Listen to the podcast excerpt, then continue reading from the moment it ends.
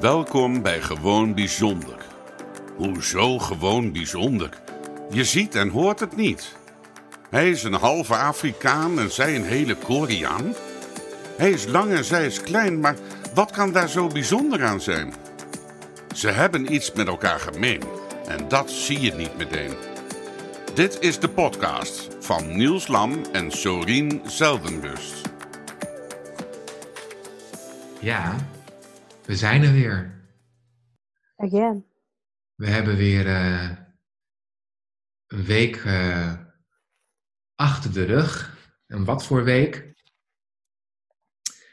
We komen ook trouwens steeds meer bij het uh, moment aan dat Amerika een, een nieuwe president gaat krijgen. Oh ja, hou op. En wat dat voor gevolgen heeft voor niet alleen voor Amerika, maar ook voor, voor de rest van de wereld. Oh ja, echt. Ik snap niet waarom wij Europeanen en Nederlanders zoveel invloed krijgen vanuit Amerika. Ik vind Amerika momenteel zo. gewoon zo niks zeggend. Hm. Maar ja, we laten we alsjeblieft niet over politiek hebben. Nee, zeker niet. Maar waar we, het, waar we het wel over gaan hebben in deze aflevering, laten we vast een beginnetje gaan maken. Ja, we kregen een verzoek, hè? Wat zeg je? We kregen een soort van verzoek kregen we binnen. Ja, we kregen een verzoek. Kan je daar wat over vertellen? Ja, wij. Um, ik was eigenlijk bezig met een mooie inleiding en een bruggetje totdat jij uh, iets zei, maar. Oh, sorry. Nee, dat geeft niet. ik ben soms ook heel blond, ik heb het gewoon niet door. maar vertel. Ja, de impact op um, Amerika, ik heb hem door. De impact op Amerika wat het allemaal niet gaat hebben. Maar moet je nagaan wat voor impact adoptie wel niet kan hebben ja. op de geadopteerden. Ja. Want we kregen inderdaad het verzoek van hè, misschien is het een mooi onderwerp voor jullie podcast, Niels en Sorien, waarin jullie uitleg geven over de effecten en de impact van adoptie. Ja. En ik denk dat dat een hele, laat ik het zo zeggen, voor de meeste geadopteerden geldt dit. Maar er zijn natuurlijk altijd uitzonderingen. Ja. Laten we dat voorop zetten. Dus hè, we willen niet iedereen in één hokje plaatsen of iedereen zeggen dat iedereen dit ervaart. Hè, om zomaar even te beginnen. Ik weet niet hoe ze dat noemen, de disclaimer of weet ik nou, of is dat weer wat anders. Maar om dat alvast even duidelijk te hebben. En het is misschien goed om ook echt vanuit onze persoonlijke ervaringen als coach, maar ook als geadopteerde te kunnen vertellen wat wij meemaken en wat we zien. Ja, ja want ieder, iedere adoptie is uniek. En dan kan uniek weer heel positief klinken, maar iedere adoptie staat op zichzelf. Hè? Dus iedere geadopteerde ondergaat zijn of haar eigen proces. en uh, wat voor jou een bepaalde impact heeft, of voor mij een bepaalde belemmering kan zijn aangaande adoptie, hoeft voor, onze, uh, of hoeft voor andere geadopteerden niet zo te zijn. Nee. Daar komt het een beetje op neer. En misschien zeg ik nu heel wat fout, maar ik wil het eigenlijk wel kwijt. Vertel. Als je niks vindt, dan kun je het nog knippen. We gaan niks knippen. Oh. Dus vertel, maar je moet meteen het juist zeggen. ik ben van mening dat deze podcast veel mensen kan gaan helpen die nu zitten te twijfelen of ze moeten gaan adopteren of niet. Oh, dat is interessant. En om gelijk een bruggetje dan te maken, Ja. dus dat mag gelijk zeggen.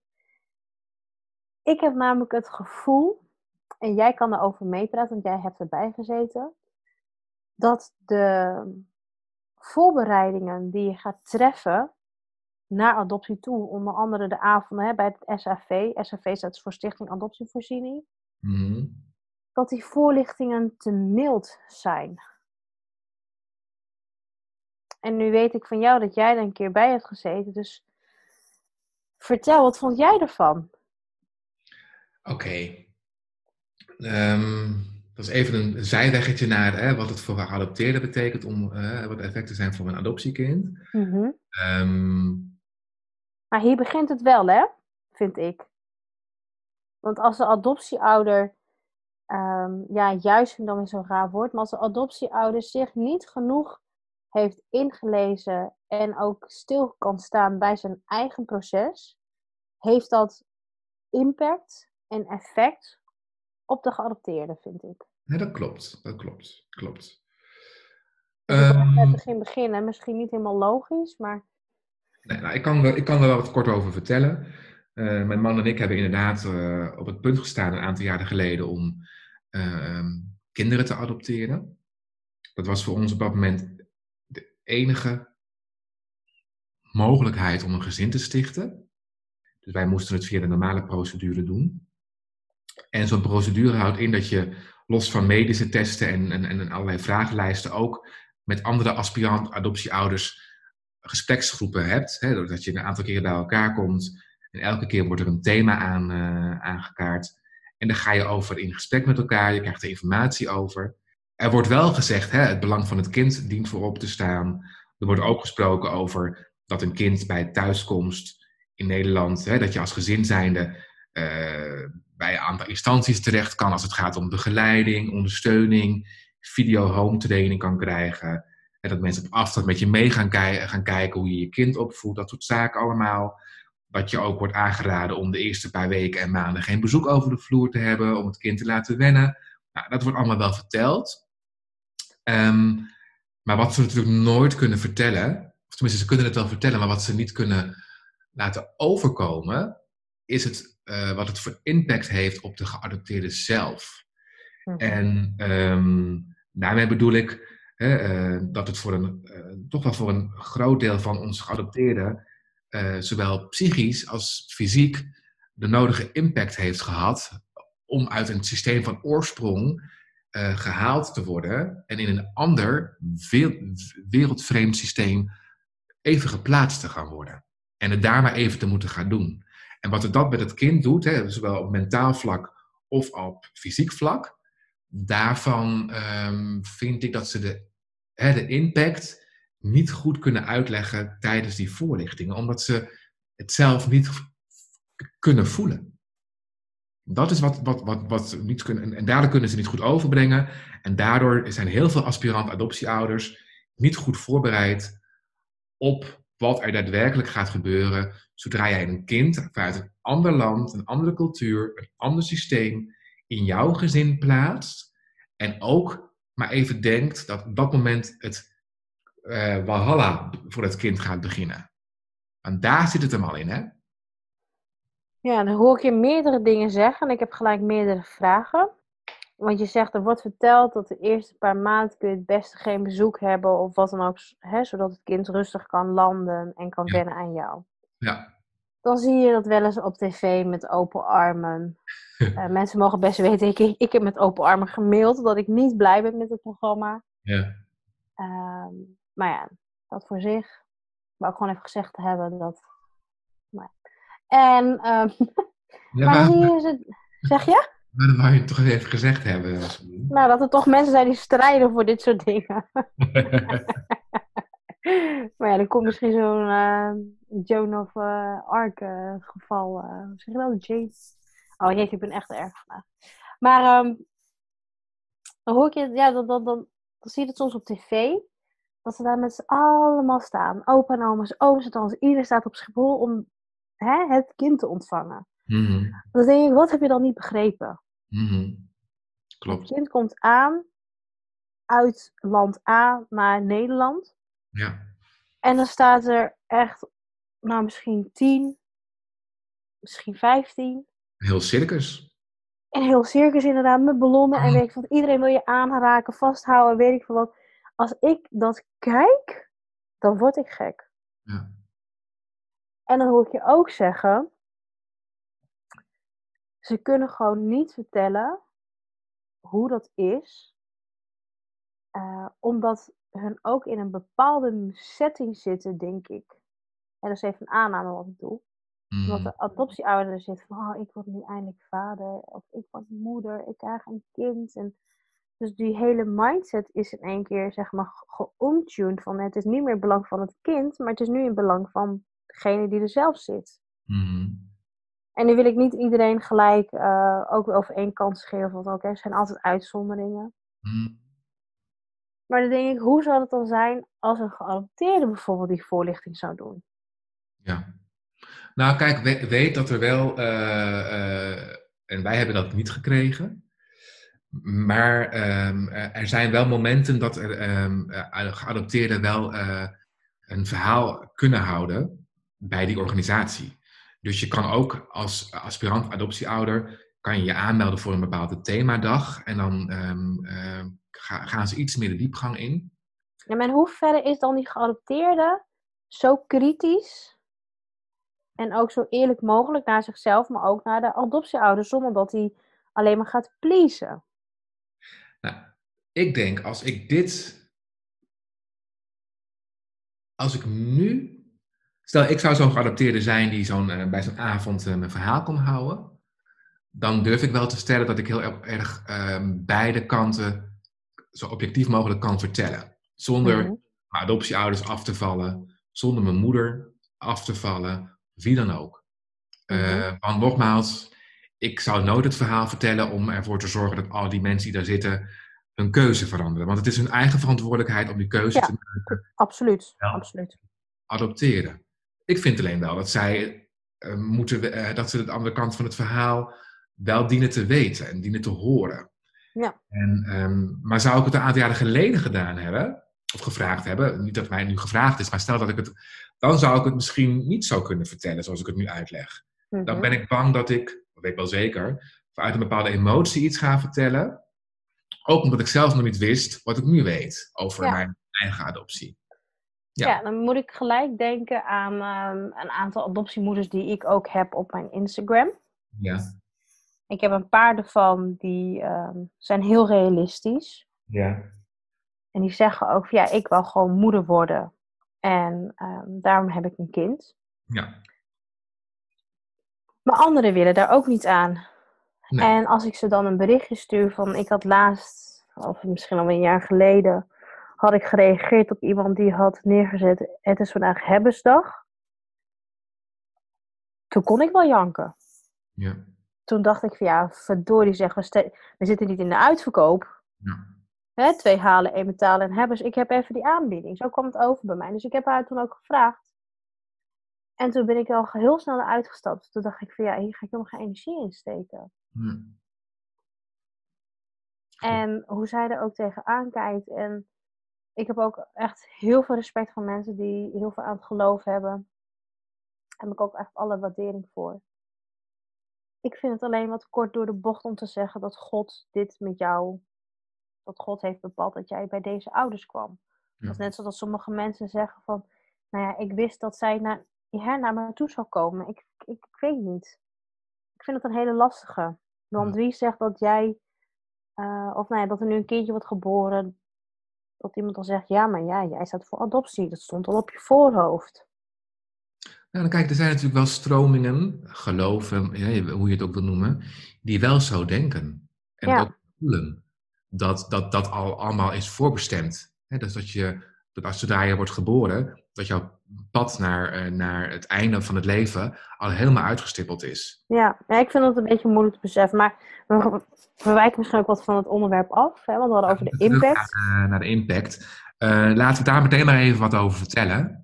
Uh, en nogmaals, het geldt niet voor iedereen.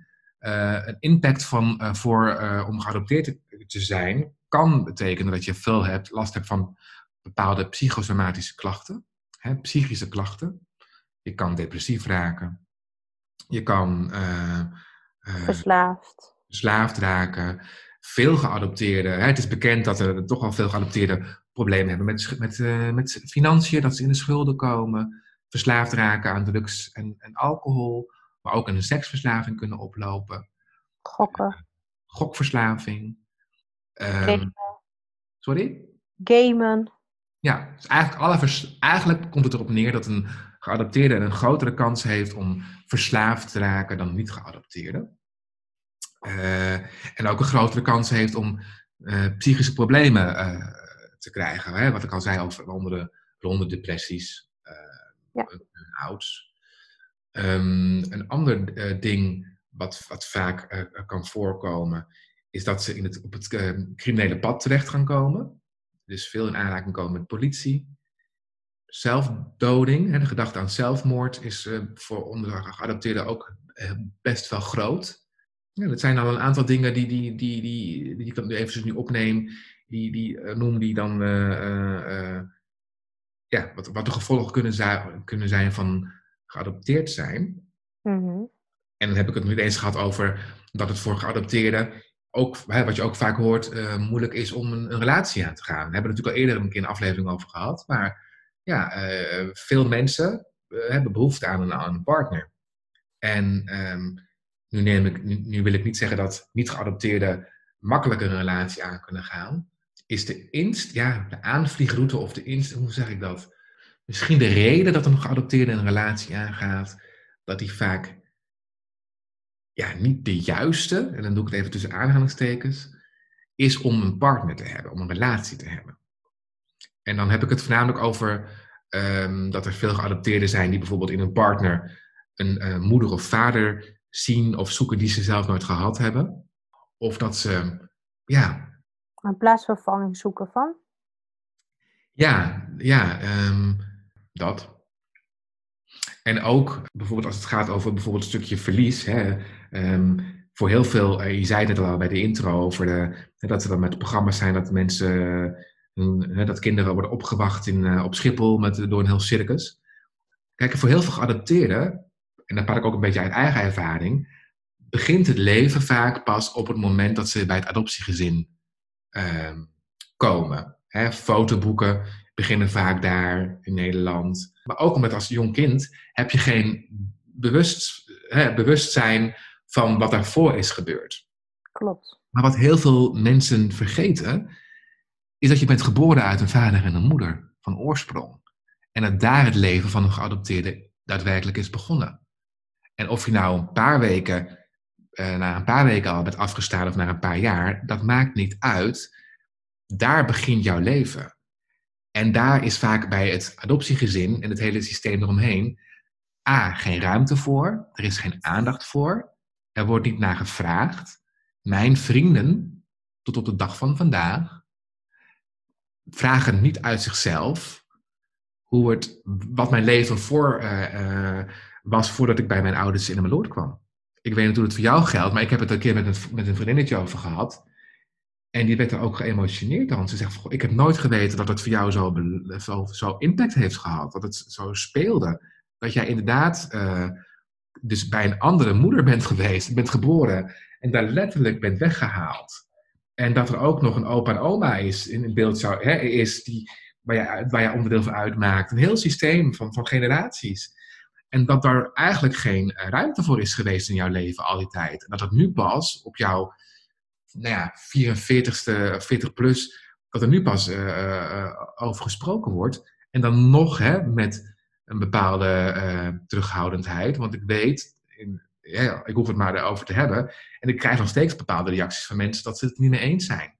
Of dat ze dat heel, dat ze dat heel niet oké vinden dat ik, dat ik me daarvoor uitspreek. Dus ook die impact heeft het ook. Hè? Dus, dus dat, dat er nog een, al een leven vooraf is gegaan voordat jij bij je adoptiegezin komt het belangrijkste moment van je leven. Ja, er gaan nu ook gelijk allemaal lijntjes uit in mijn hoofd. Voorbeelden. Hè, want je zegt, ja, dit heeft gewoon ja, grote impact. Niet alleen dus op jou, maar dus ook om jouw wereld heen. Hè? Dus, dus um, ook jouw adoptiegezin hoor ik, maar ook zelfs jouw vrienden. Mm dan moet ik altijd denken aan mijn oudste broer. En praat je over je broer van oorsprong? Heeft het nee. te maken of het adoptiegezin waar je in bent opgegroeid? Ja, het adoptiegezin. Ja. Um, hij en ik schelen 15 jaar. Ja. En ik had natuurlijk vorig jaar mijn lezing in Zwolle. Mm -hmm. En daar was hij onder andere ook aanwezig dat hij er sowieso was, was al, uh, dat, dat gaf mij al heel veel. Ja.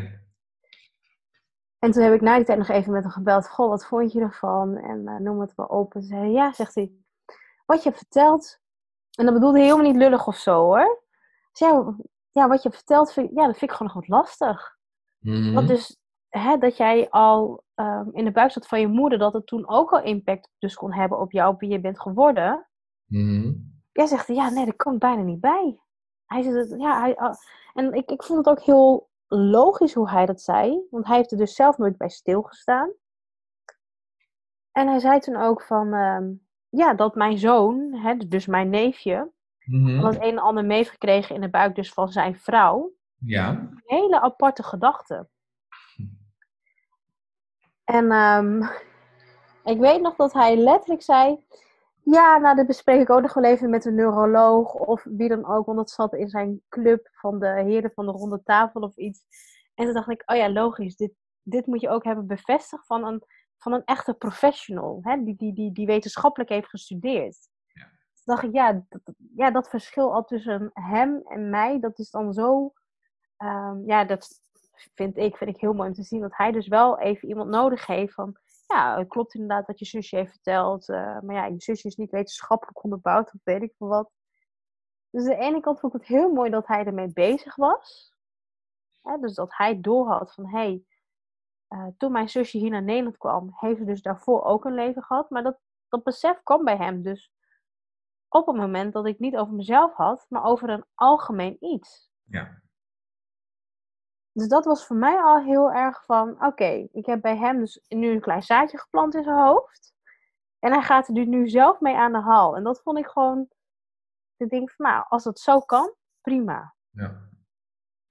ja, maar dan zeg je ook iets heel, heel treffends. Kijk, ik neem het mijn vrienden en andere mensen die dicht bij mij staan niet kwalijk dat zij niet vanuit zich, hunzelf daarover ges- hebben gesproken. Mhm. Ehm, maar het verbaasde mij letterlijk dat zij zich daar nooit bij stil hebben gestaan. En Ja, ik, dat snap ik wel. dat ik ook de reactie van een van mijn vri- vrienden terugkreeg van, goh, ik heb nooit gedacht dat het voor jou zo, zo, zo belangrijk is en zo beladen is. En dat raakte haar ook heel erg. En ehm, wat, wat maakte dat ik met haar nu daar gewoon over kan praten, zonder oordeel. Ik denk dat dat ook meteen een, ja, niet, niet de oplossing is hoor, maar ik heb bijvoorbeeld een keer een meisje gecoacht. En die, ehm, ik denk dat heel veel geadopteerden zich in dit verhaal kunnen vinden. Ik zelf namelijk wel. Ik heb op de middelbare school en het, eh, een hele lange tijd meegemaakt dat ik heel erg aan het dromen was. Dat ik qua gedachten altijd ergens anders was, behalve bij de les. Ehm, Mhm. eh, eh, en, en dan was het weer ja, Niels is een droom, het is niet zo de droom, Niels is een dromer. En ja, hij kan niet eh, bij de, hij heeft zijn aandacht er niet bij. En eh, nou, dat heeft ook impact gehad op mijn schoolprestaties, dat, dat is ook zo. Maar goed, dat, dat, dat, dat, dat, dat is prima. Ehm, maar dit meisje had hetzelfde meegemaakt, alleen eh, haar ouders die, die, die, die konden daar niet meer over weg, haar adoptieouders. Dus zij kwam op een gegeven moment in het reguliere circuit van huisarts en GGZ, GGD terecht. Mhm. En eh, kreeg het labeltje eh, schizofrenie bipolaire opge- Oh, opgeplakt. jeetje, En ja. omdat zij vonden dat zij afwezig was en dachten dat het een persoonlijkheidsstoornis zou zijn. Met alle gevolgen van dien. Er is zelfs een kleine korte periode ook medicatie voorgeschreven. Ik heb zelf ook zo'n periode gehad dat ik een depressie had en dat er ook medicatie is voorgeschoten. Waar ik echt al dat mijn baat bij had. Maar het haalde de oorzaak natuurlijk helemaal niet weg. Nee. En ehm, dat is ook een onderdeel, hè, een, een impact van, dat ehm, als ik toen de tijd de ruimte had gekregen om erover te kunnen praten, of als er mensen waren geweest die tegen mij hadden gezegd van, of tegen mijn ouders hadden gezegd van, goh, ehm, Niels is niet depressief of Niels heeft geen eh, eh, tweevoudige of meervoudige persoonlijkheidsstoornis of wat dan ook, of tegen het meisje. Maar dit heeft gewoon te maken dat, dat ehm, eh, hij voor een deel ook ergens anders is. Hè? eh, en dat klinkt misschien een beetje wazig wat ik nu zeg. Nee, maar ik snap je wel. Dan had ik denk ik een andere, was er denk ik een andere oplossing aangeboden voor mij, maar ook voor dit meisje. En Ja. mm, En wat je hier zegt, dat raakt mij enorm.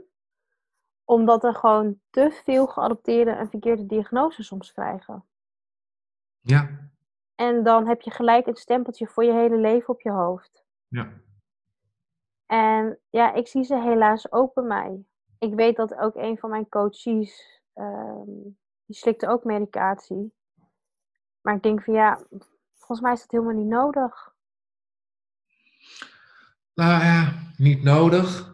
Waar, waar, Nou ja, in, in, zijn geval dan denk ik niet hoor. Dat, dat, dat, dat- ik denk meer dat het een noodgreep is geweest, omdat de ouders gewoon niet meer wisten wat ze ermee moesten. Hmm. En dan is het misschien van, nou ja, we doen er een kalmeringspilletje in of wat dan ook. Dan, dan, hè, dan kunnen we hem handelen, om zo maar te zeggen. En daarom begon ik ook hiermee van, ja, ehm, als de adoptieouder goed is voorgelicht, of goed, maar weet wat er kan gebeuren met de geadopteerde, dan weet je volgens mij ook hoe je beter kunt staan. En volgens mij hadden we het van het weekend er ook al over van eh, hè, het verschil tussen een geadopteerd kind en je eigen kind. Hmm.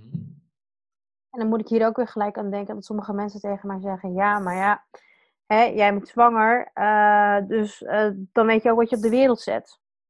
Hmm. Maar dat vind ik heel kort door de bocht. Want hè, ik wist ook niet bij Yara bijvoorbeeld wat voor. Ik kon wel een beeld van bedenken. Maar ik wist niet dat zij zo pittig zou zijn hoe zij nu is. Ja. En dat weet je ook niet als je gaat adopteren. Ja. Het enige voordeel is, klinkt heel gek dat ik nu een voordeel noem van adoptie, maar dan weet je wel wat je te wachten staat. Dat er eh, bindingsangst gaat komen, verlatingsangst, eh, hechtingsproblematiek, hoe ze het noemen, wat ik nog steeds een enorm irritant woord vind, hechtingsstoornis. Daar doe ik trouwens ook mijn eh, eindopdracht over. Ehm, maar dan denk ik van ja, dit weet je gewoon als adoptieouder, dat je gewoon heel veel dingen gaat tegenkomen, zolang je zelf er niet kunt voor gaan staan. Dus als je Mhm. niet zelf je eigen trauma, shit of wat dan ook, sorry dat ik even het woordje noem, maar ja, je eigen zooi niet opruimt of ervoor gaat staan, hoe kun je dan wel gaan staan voor je eigen kind? Is precies hetzelfde als wat ik nu doe. Als ik niet mijn adoptie-troubles, om zo maar even te noemen, hè, waar ik nu zelf ook een beetje in zit, als ik die zelf niet onder handen krijg of onder ogen zie, dan kan ik er en niet zijn voor mijn man, kan ik er en niet zijn voor jou nu in de podcast, voor mijn coaches niet, maar kan ik ook niet zijn voor mijn dochter. Klopt. Wat is ook wat is om, hè, om eventjes de, het onderwerp aan te halen, wat dus een gevolg is van het feit dat je bent geadopteerd. Ja, precies. Ja. Maar dat is ook een gevolg. ehm, ik heb nou wel altijd het gevoel gehad dat mijn ouders er altijd voor mij stonden. Ja. Ongeacht of ik nou goede dingen deed of verkeerde dingen. En ik heb verkeerde dingen gedaan. Maar ze hebben me nooit laten vallen. Nooit. Mijn vader heeft zelfs een keer school gebeld en heeft gezegd: Jongens, ze is geadopteerd. En dat mag geen excuus zijn. Maar daar komt wel het gedrag vandaan. Ja. En zelfs de school kon dat toen niet erkennen. En dat doet op de dag van vandaag doet het hem nog steeds pijn. Ja. En ik kan er nu nog steeds heel boos om worden. Maar dan denk ik wel van, als je dat als ouder kunt doen, dat je daar echt voor gaat staan. Dus voor het feit van, hé, hey, ik weet, ik neem een soort van probleemkind, wil ik ons niet noemen. Maar je, ja, je neemt wel een kind in huis met een behoorlijk rugtasje al. Hmm. Dan moet je dat rugtasje ook gewoon kunnen uitpakken. En alles wat eruit komt, moet je ook gewoon aangaan. Nou, kijk. Wat ik net al opnoemde over de, hè, wat voor impact het heeft om eh, geadopteerd te zijn. Ehm, eh, en dan heb ik het nog niet eens gehad over wat het voor impact heeft voor eventuele andere gezinsleden. Want hè, ik, ik ben in 2000 bijvoorbeeld mijn, eh, mijn ouders gaan zoeken en, en, en kwam uit bij mijn moeder van oorsprong. En bleek op een gegeven moment ook nog een halfbroer en een halfzus te hebben. Nou, voor hun heeft het natuurlijk ook een bepaalde impact gehad Ja, tuurlijk. Ja. geadopteerd ben. En dus, dus ehm, eh, er, er, er komt zoveel bij kijken. Ja, dat, dat zeker hè, de ideale adoptieouder, ehm, als we dan dat even moeten gebruiken als term, die moet zo capabel zijn, denk ik, om dit soort problemen in eerste instantie te kunnen zien, te kunnen lezen, te kunnen voelen en bereid te zijn om ondersteuning en hulp te vragen. Want het is Oeh, oeh. heel erg eh, menselijk en heel westers. En dan praat ik ook even uit eigen ervaring, omdat ik ook natuurlijk een deel heel westers ben. Om maar geen hulp te hoeven vragen. Het vooral zelf te willen doen. Want Nou ja, hoe, zou, het zijn, hoe, hoe zou het zijn dat je als ouder gaat falen? Nou, dan, dan, dan, dan moet je wel heel erg eh, eh, eh, niet, oké zijn. Dus, dus dat, is wat ik, dat is wat ik wel ehm, de mensen wil meegeven. Dit is zeker geen pleidooi om niet te adopteren. Nee, zeker niet. Daar, ben ik, Nee, ben daar doe ik geen uitspraak over. Dat is helemaal. Want mijn adoptieouders zijn ook schatten van mensen. En ik heb het echt getroffen met ze op heel veel vlakken. Alleen ik had het gewoon heel fijn gevonden. En ik denk mijn adoptieouders ook. Als zij ook ondersteuning hadden gekregen. Maar ik ook zelf eh, in mijn omgeving ook eerder de juiste begeleiding kon krijgen. eh, eh, dan was ik het echt wel een andere persoon geweest dan dat ik nu ben hoor. Weet ik zeker. ja, ja, zeker. Ik bedoel, ik heb, ik heb ook... Geen- uiteindelijk heb je het nu wel zelf gedaan, hè? En ben je misschien nu wel de persoon aan het worden die je graag wilt zijn. Klopt. Alleen dan gewoon iets later. Iets later en eh, misschien ook wel een betere versie dan dat ik eh, misschien voor ogen had een aantal jaren geleden. Dat weet ik niet. En ook met die, met die kanttekening dat ik nog steeds niet eh, weet wat er nog meer op mijn pad gaat komen wat gerelateerd is aan adoptie. Hè? Ja, maar dat is een dingetje. Ehm, dat weten we nooit. Want elk life-changing event gaat er iets in jou lopen porren, wat ook maar met adoptie te maken kan hebben. Ja. Dat merk ik wel bij mijn verhuizingen. Dat merk ik bij verandering van baan. Verandering van vriend. Helemaal mijn laatste natuurlijk, hè, nu met Harold. Merk ik heel veel dingen erin. Ehm, maar ook in mijn vrienden die mij eh, verlieten, die ik heb verlaten, maar ook die nieuwe vrienden. Nou, de geboorte van Jana natuurlijk, eh, het eh, overlijden, noem het allemaal maar erbij. Dat soort dingen, die hebben gewoon impact op onze wond, op onze wond die wij hebben. Nou ja, zeker weten. Ik weet nog wel dat, dat, dat ehm, toen mijn adoptiemoeder plotseling kwam te overlijden, dat ik de eerste, zij heeft op een gegeven moment een tijdje in een soort van coma gelegen. En ehm, ik heb die, die hele periode, ben ik gewoon naar school gegaan, ben ik gewoon blijven werken. En mijn adoptievader en mijn adoptiezus zaten dag in dag uit bij haar bed. Terwijl ik juist met haar een hele goede band had. En nu weet ik gewoon, nu weet ik dat ik kennelijk niet bij haar bed durfde te zijn, omdat ergens ik al zoiets had van, ik wil er A geen afscheid van willen en hoeven te nemen. Ik wil het niet zien. Zolang ik het niet zie, is het oké, is het er niet. En ehm, dat heeft zoveel impact op me gehad. Maar ook als ik naar mijn huidige relatie kijk, ehm, daar heb ik ook laatst een, een blog over geschreven, wat nog uit moet komen, maar dat is voor een andere, on- onder, ander project over vreemdgaan.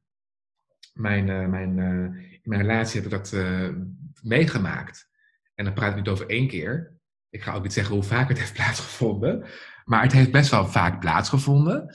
En daar heeft mijn partner ook echt wel vanuit zijn ogen een legi- leg- legitieme reden voor gehad. Maar dit overkomt mij hopelijk niet nog een keer. Maar ik ben bij hem gebleven met, met een ongezonde eh, eh, eh, verklaring. Ja. Als ik op dat moment sterker in mijn schoenen had gestaan, dan waren al- waren uit elkaar geweest. Ja, ehm, En daarbij zeg ik een beetje dat ik, dat ik het dus heel moeilijk heb gevonden in die periode om afscheid van iets te nemen. Bang om weer verlaten te zijn. Bang om, om misschien weer alleen te komen te staan. Weet je, hij gaf me ook het een en ander wat ik wel heel fijn vond. ja.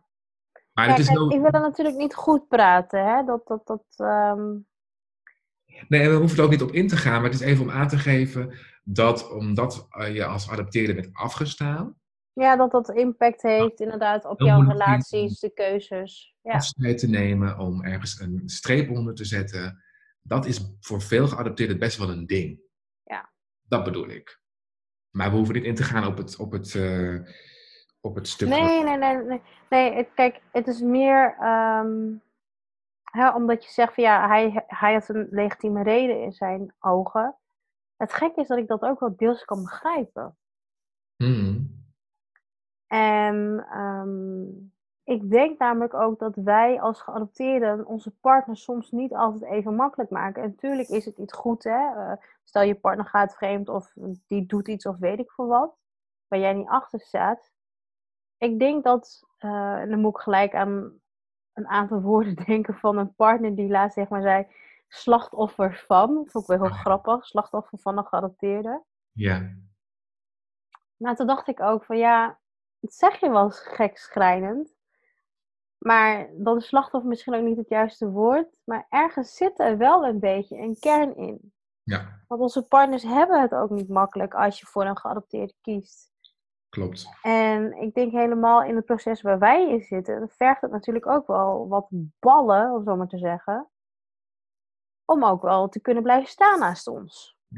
klopt. Hè? En dan niet alleen in onze persoonlijke ontwikkeling waar we nu in zitten, maar ook in de impact wat er meekomt in je relatie. Ja. Want ik heb Harold ook in het begin heel erg aangetrokken. En dan weer van me wegduwen en dan weer terugtrekken. En nee, we passen niet bij elkaar. Nee, weet je wel. Dat heeft allemaal te maken met als hij me verlaat, dan eh, ben ik helemaal weg. Maar als ik hem verlaat, dan doet het hem eigen pijn. Klopt. Dus om altijd maar weer een stapje voor te zijn. En dat was ook zo met mijn vriendschappen. Als ik gewoon kon zeggen van... Nee, sorry, maar dit... eh, nee, dit trekt me niet. Ik ga weer. Ja. Dus ja, dat heeft ook gewoon impact op ons gehad. eh, omdat we zijn afgestaan door de meest liefdevolle persoon. Het meest betrouwbaarste stukje waar we in hebben geleefd. Dat is gewoon onze moeder geweest. Ja, dat wilde ik net zeggen. De, do- doordat zij, doordat, en, en kijk, doordat mijn adoptiemoeder kwam te overlijden, ehm, zij is dan niet mijn moeder van oorsprong, maar daarbij raakte, mijn, raakte iets in mijn, werd, mijn, werd er iets in mijn systeem geraakt wat met veiligheid te maken had. En dat viel voor mij op dat moment Ja, weg. heel begrijpelijk. En doordat het Ja. wegviel, was ik afwezig. En was ik afwezig voor mijn man. En dat Ja. was een van de redenen voor hem om me dan ergens anders te gaan halen. Wat inderdaad niet goed te praten is, maar ik, ik kon het ook begrijpen. Absoluut. Maar dat heeft dus ook impact. Hè? Niet alleen eh, voor, ons als geadopteerden, maar de impact om geadopteerd te zijn gaat veel verder dan voor ons als geadopteerden. Het heeft ook impact op onze partners, op onze kinderen, op onze Ja. eh, adoptieouders. Families. Ja, dat, dat vooral. Ja. Ja. ja, want dat weet ik ook nog wel bij mijn vader. En die leeft dan gelukkig nog. Eh, maar die is denk ik alweer twee jaar geleden of vorig jaar. Ik weet het niet eens meer. Misschien vorig jaar. Maar die is toen echt heel erg ziek geweest. Die heeft ook heel lang in het ziekenhuis gelegen. Hebben we een paar keer afscheid van moeten nemen. Want we dachten, nou, die gaat dood. Maar ik ging juist heel veel heen. Ik kon er zo vaak heen als ik wou. Mhm. Eh, maar ik wou hem niet loslaten. Ja. Ik wou hem niet loslaten. Ik denk echt van als hij doodgaat, nou, dan komt het niet goed bij mij. Ja. En toen dacht ik ook, ja, ik wil nu ook alles bespreken wat maar kan. En toen heb ik ook alles besproken en hij voelde dat op een of andere manier ook aan. En ik weet niet meer wat hij toen letterlijk zei. Ik heb het toen nog geprobeerd op te nemen met FaceTime. Alleen toen had FaceTime nog niet dat je het geluid kon opnemen. En Oh daar dacht ik toen zo erg van, want we hadden zo'n mooi gesprek. Ja. Hadden echt, oh, daar heb ik echt op zitten janken ook. Van waarom heb ik nu niet het geluid? Ja. Maar toen zei hij ook van... ehm, eh, ja, exact weet ik dan niet meer. Maar hij zei, ja, ik, maar ik wil ook nog niet. Ja. Want ik heb nog zoveel te doen hier. Ja. En ik had ook het gevoel toen dat hij ook nog door had... Zo van, ik moet jou ook nog één ding meegeven. Ja. En toen besefte ik mij van... Hé, hey, ik kan eigenlijk wel ook nu alleen staan. Het is goed. En toen ik dat later tegen hem zei, toen zei hij ook van ja, dat is nog wel een van de dingen eh, nou ja, waar we ons wel soms zorgen om maken, is inderdaad of je het redt. En toen dacht ik, ja, dit heeft dus ook allemaal zoveel impact gehad op jullie. Ja. En omdat het weer impact heeft gemaakt op hun, heeft het natuurlijk weer impact op mij. Omdat het weer op mij impact heeft, heeft het ook impact op mijn man. En noem het allemaal op en ga maar door. Ja, dus, dus concluderend kunnen we ook nog eens een keer zeggen dat het niet alleen impact heeft op het geadopteerde kind, maar dat aspirant adoptieouders en adoptieouders in het algemeen zich ook moeten beseffen wat voor impact het op hun eigen leven heeft. Ja, maar ik denk niet eens alleen de adoptieouders. Ik denk ook alle adoptiebroers, Tuurlijk. zussen, de ooms en tantes, Ja. eh, de families eromheen, maar ook je school. Hè, want daar begint het uiteindelijk. Dat het op school al impact kan hebben. Ja. Ik weet nog heel goed, op de basisschool teken je familieboom. Echt jongen. Ik heb echt gewoon, ik weet niet, maar ik, vol- volgens mij heb ik die lerares aangekeken van, ja, is leuk, maar ga ik niet doen. Ja. Waarop zij heel leuk zei tegen mij van, ja, maar gewoon je familie. Ja, gewoon even mijn familie. Ja.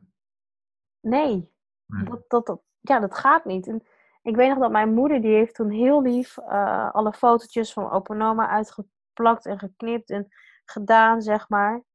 Nou, dit is je familieboom. Ja. En tot op de dag op vandaag heb ik het volgens mij ook nog bewaard. Maar toen dacht ik echt van ja, maar dat klopt gewoon niet in mijn ogen. Nee. En dat is net zoals dat ik dan, uh, volgens mij was dat groep 8, neem een babyfoto van jezelf mee. Dan gaan we raden wie je bent. Ja. Dat ik echt dacht van, nou, ik ben ook de enige Aziat. Ja, dat is Sorien, weet je wel? Ja. Ja. Dus ja, als het gewoon bij het onderwijs al begint, wat voor impact het heeft op de persoon zelf, maar ook op hè, je klasgenootjes. Maar dan ook naar je werkgever toe. Hè, wat voor impact het kan hebben voor jou als werknemer als je met een bepaald onderwerp zit. Um, voetbalclub, weet ik veel wat allemaal, zwemverenigingen, dat ze gewoon weten wat het inhoudt. Ja. En welke gevolgen daarbij kunnen hebben. Want het kan best wel zijn dat je aan het voetballen bent en je hoort in één keer geluid en je gaat bevriezen, maar dat je lichaam het herkent en dat je dan niet in één keer weet wat er gebeurt. Ik noem maar even heel klein, hè, iets. Nou ja, wat ik al in het begin zei over die psychosomatische klachten die mensen die, die, die geadopteerden kunnen hebben, dat, is, dat heeft daar allemaal mee te maken, weet je. Ja. En dan kan er wel een pilletje in gestopt worden of er kan wel uh, een, een, therapietje tegenaan gegooid worden. Uh, maar het gaat om de oorzaak. Nou, ik denk dat het goed is om, om, om, om in, in een eventuele volgende aflevering uh, daarop op, op, voor te borduren, want er is nog heel veel niet door ons gezegd. Ja, misschien nog goed om wel samen te vatten, hè, waar jij mee begon. Het is wel um, psychisch als lichamelijk, heeft het gewoon klachten. Ja. Het heeft gevolgen voor uh, eigenlijk je hele leven. Elke keuze die je maakt. Werk, de keuzes die je maakt. Ja. En dat het gewoon enorm veel impact geeft, zowel op wie je zelf bent, maar ook wat je uitstraalt naar de ander en wat de ander bij jou weer teweeg kan brengen. En misschien mooi om ermee af te sluiten van niet iedereen ervaart het zo. Klopt.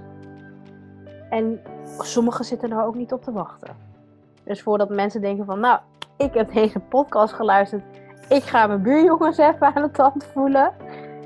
Als hij er geen zin aan heeft, gewoon lekker laten. En ook gewoon geef hem zijn eigen tijd, zijn eigen proces. Maar ga het niet openscheuren of wat dan ook.